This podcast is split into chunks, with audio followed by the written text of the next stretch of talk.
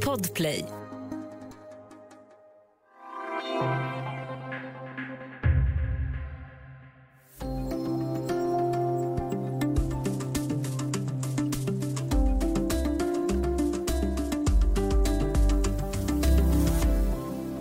I Ukraina orsakar det ryska invasionskriget förstås enorma skador, inte bara på människor utan också på städer och bebyggelse.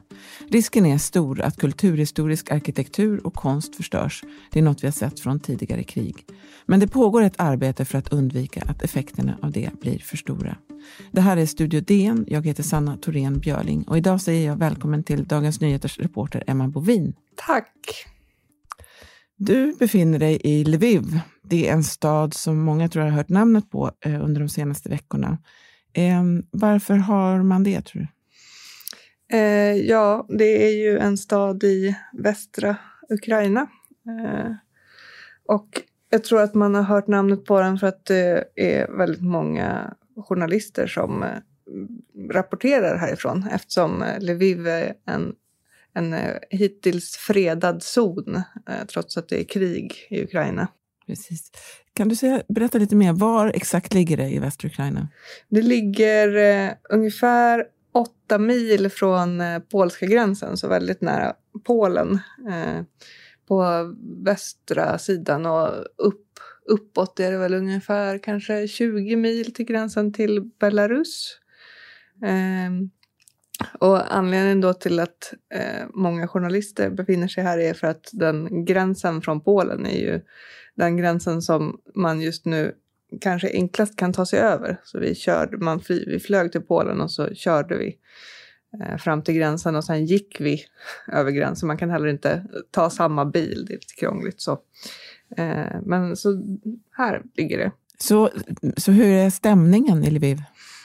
Det är en, eh, en väldigt speciell stämning i Lviv. Eh, även om det är många som, som jobbar med att, eh, eller volontärarbetar med att försöka liksom ge eh, flyktingar nödhjälp och någonstans att bo och någonting att äta, så har de också efter liksom första veckan när de inte visste riktigt vad som skulle hända, så har de landat i liksom en ny eh, vardag där de till exempel har dragit igång sina guidade turer genom den här vackra staden igen eh, för flyktingar som är här.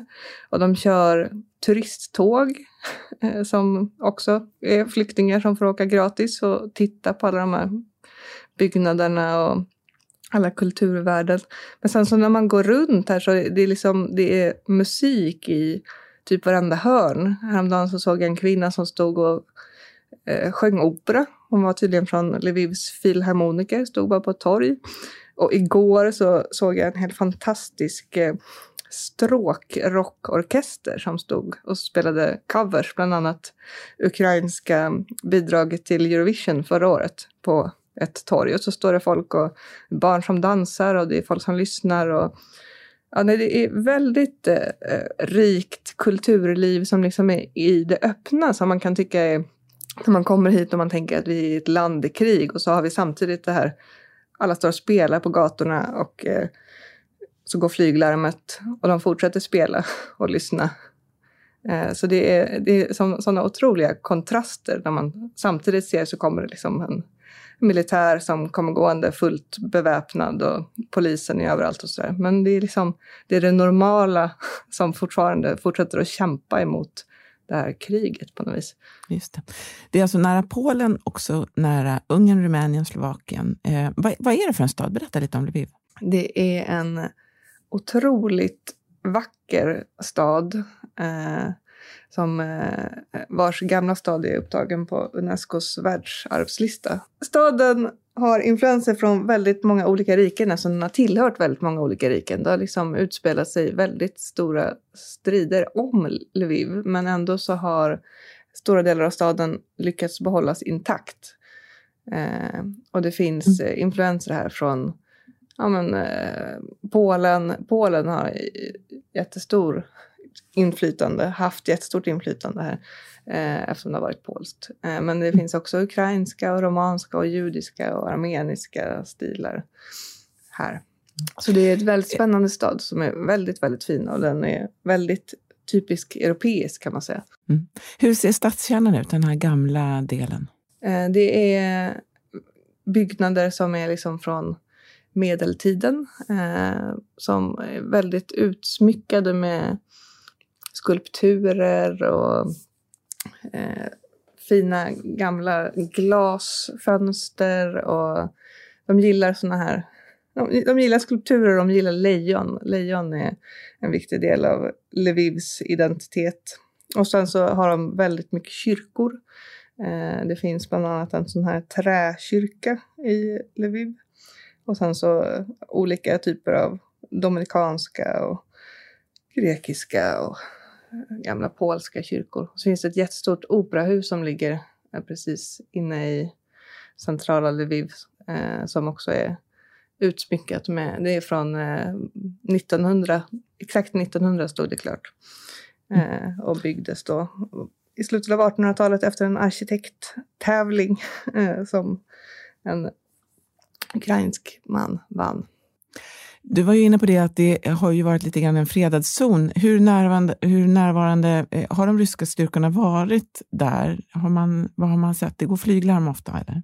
Ja, nu har i och för sig inte flyglarmet gått på ett dygn faktiskt. Eh, annars så gick det de första dagarna vi var här så gick det ja, men varannan timme, både dag och natt. Och det som är lite eh, obehagligt, eller det är ju obehagligt med flyglarm såklart, men det, en annan obehaglig sak med det är att man inte vet vad det beror på. Det får man ju inte veta, det låter ju likadant hela tiden. Eh, som jag har förstått det så handlar det om att antingen kanske ryska plan flyger in över eh, regionen Lviv eh, eller att det är robotar som passerar över. Eh, men hittills så har det ju, det var ju en, ett anfall på en militär anläggning som ligger utanför Lviv, men den ligger så pass långt utanför så det märkte liksom inte människorna inne i Lviv av mer än flyglarmet. Mycket.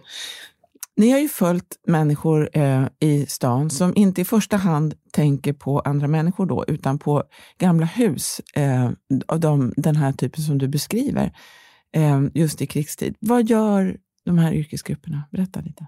Eh, mest är det faktiskt volontärer eh, som man ser eh, överallt i Lviv som håller på med att slå in och eh, slå in skulpturer och eh, täcka för fönster med eh, träskivor.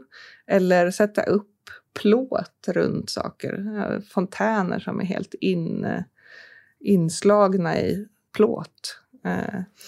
Och detta är ju då människor som jobbar med att skydda det här världsarvet. Och det finns ju så, det finns över 2000 föremål som är, föremål kan då vara arkitektur eller konst eller eh, viktiga byggnader eh, i Lviv som är, som är en del av det här världsarvet. Så det är ju, eftersom det finns överallt så ser man dem också överallt när de håller på att jobba med det här. Det är ju ett väldigt stort arbete. Mm. Vem leder det där arbetet? Det leder Lilia Onushenko som är som jag vet inte om det finns någon motsvarande svensk titel, men hon är liksom huvud huvudkonservator eh, och chef för eh, avdelningen i Lviv som har ansvar för att skydda det historiska världsarvet. Så i vanliga fall så jobbar hon liksom med att ja, men restaurera och se hur man ska rusta upp gamla hus. Eh, men nu så är hon ju helt fokuserad på att försöka se till att rädda arkitekturen och husen och konsten. Från möjliga anfall då? Ja, precis. Och det är ju väldigt svårt såklart. Men det som man kan också se på många byggnader som man går förbi, att fönstren är liksom tejpade på insidan. Jag frågade om det, för jag tycker om, jag tänker att tejp borde väl inte hjälpa så himla mycket om det slår ner en bomb. Men då fick jag veta att om det kommer liksom en explosion i närheten så att fönstret, fönsterrutan slås ut, då hjälper den här tejpen till att skydda på insidan för då blir förstörelsen inte lika stor inne i huset. För tejpen liksom håller undan det. Så man räddar inte glaset, men man räddar eh, interiören? Precis. Mm. Men sen så har de också tagit en del, det finns sådana här speciella mosaikglas här. Och de som är riktigt eh, värdefulla har de också monterat ner och liksom lagt i olika skyddsrum och källare. Men det går ju inte att göra på så värst många ställen. Så då är det istället spånskivor som de håller på och sätter för. Ehm, och så är det ju bubbelplast då, som de slår in skulpturer i. Eh, mest jobbar de med just bubbelplast. Det är även såna här tinnar och torn. Otroliga guldkupoler och väldigt utsmyckade kyrkor här som de slår Du skriver i ditt reportage att man har fått rätt mycket bubbelplast eh, till skänks av Polen. Eh, var får man allt, annars allt material ifrån? Det måste ju gå åt enorma mängder ja. Ja, nej, det är framförallt från Polen som, som har skänkt. Polen har ju också ett stort intresse i det här världsarvet eftersom det också är en del av polsk historia, som Lviv har varit polskt. Eh, så eh, det allra mesta materialet kom, som man inte redan hade eh, kommer från Polen. Så de har, det ligger ju så pass nära gränsen så de har kört över stora mängder bubbelplast. Men att det är just bubbelplast tror jag också beror på att det är ett material som finns. För sen så finns det en annan typ av skyddsemballage som är, som är gjort för att skydda just skulpturer. Och det är liksom ett material som Eh, inte släpper in fukt och som samtidigt släpper ut luft eh, för de här supergamla skulpturerna ska liksom preserveras samtidigt som de skyddas, om du fattar vad jag menar. Och det mm. materialet har de inte lika mycket av, så därför så använder de också bubbelplast. Det finns ju eh, historiskt gott om exempel på världsarv och helt ovärderlig konst och arkitektur som har gått förlorad i krig, inte minst i Mellanöstern. Eh, Kanske hade något av det där kunnat undvikas. Vad, vad berättar de om det? För de har fått hjälp av eh, erfarenhet därifrån. Mm.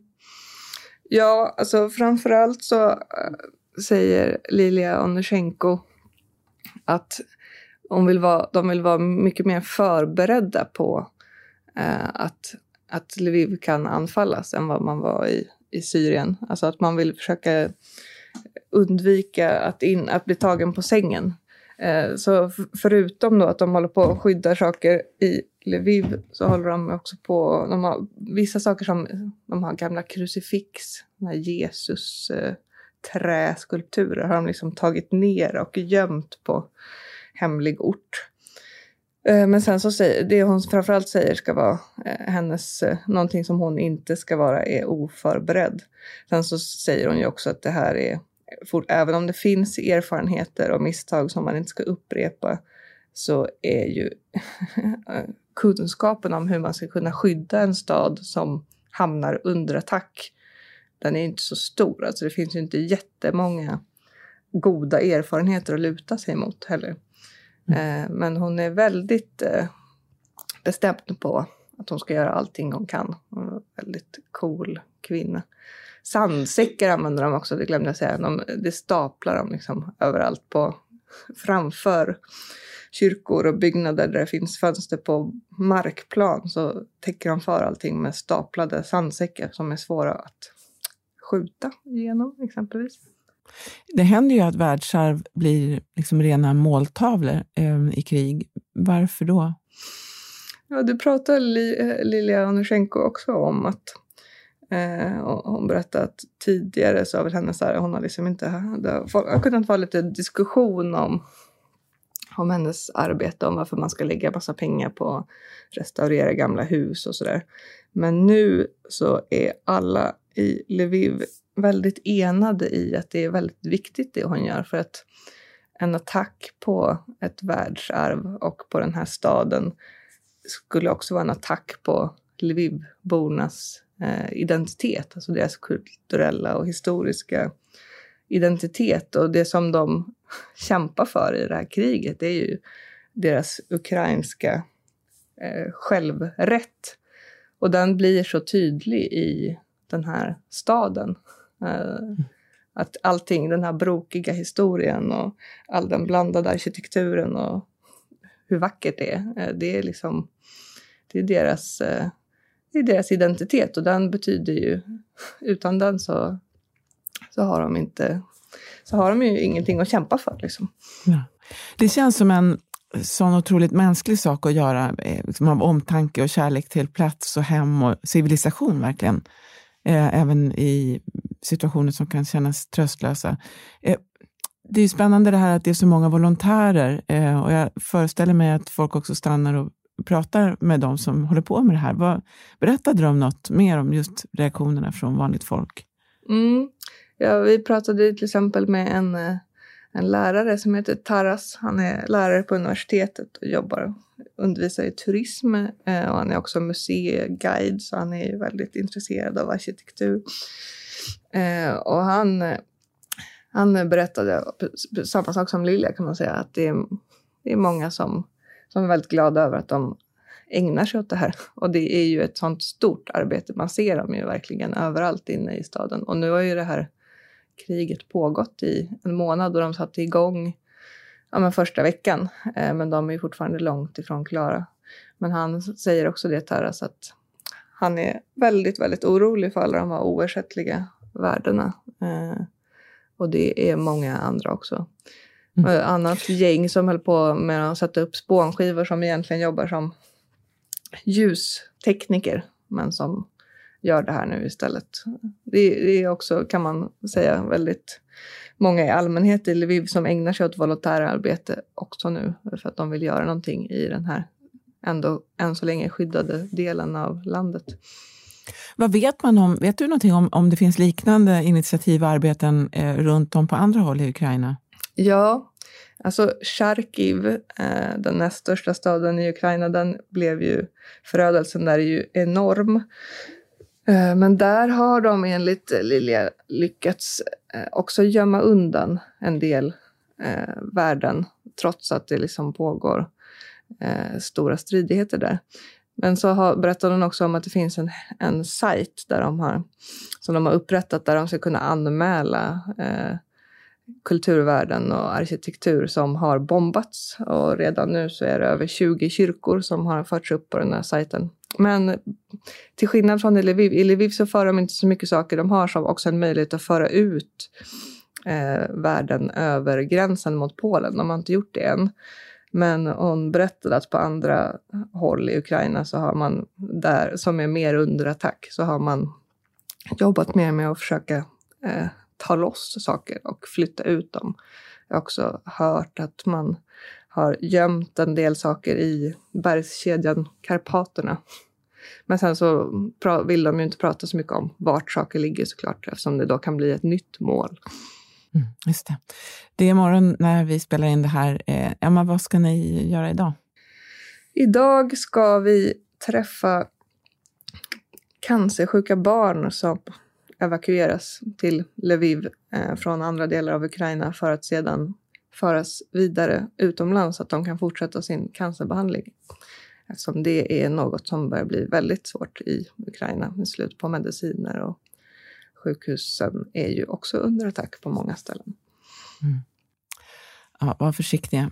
Stort tack för att du var med idag, Emma. Tack så mycket. Om du vill kontakta oss så går det bra att mejla till studiodn e. Kom också ihåg att prenumerera på Studio DN där du lyssnar på poddar så missar du inga avsnitt. Studio DN görs för Podplay av producent Palmira Kokarimenga, ljudtekniker Patrik Miesenberger och teknik Jonas Lindskov, Bauer Media. Jag heter Sanna Thorén Björling.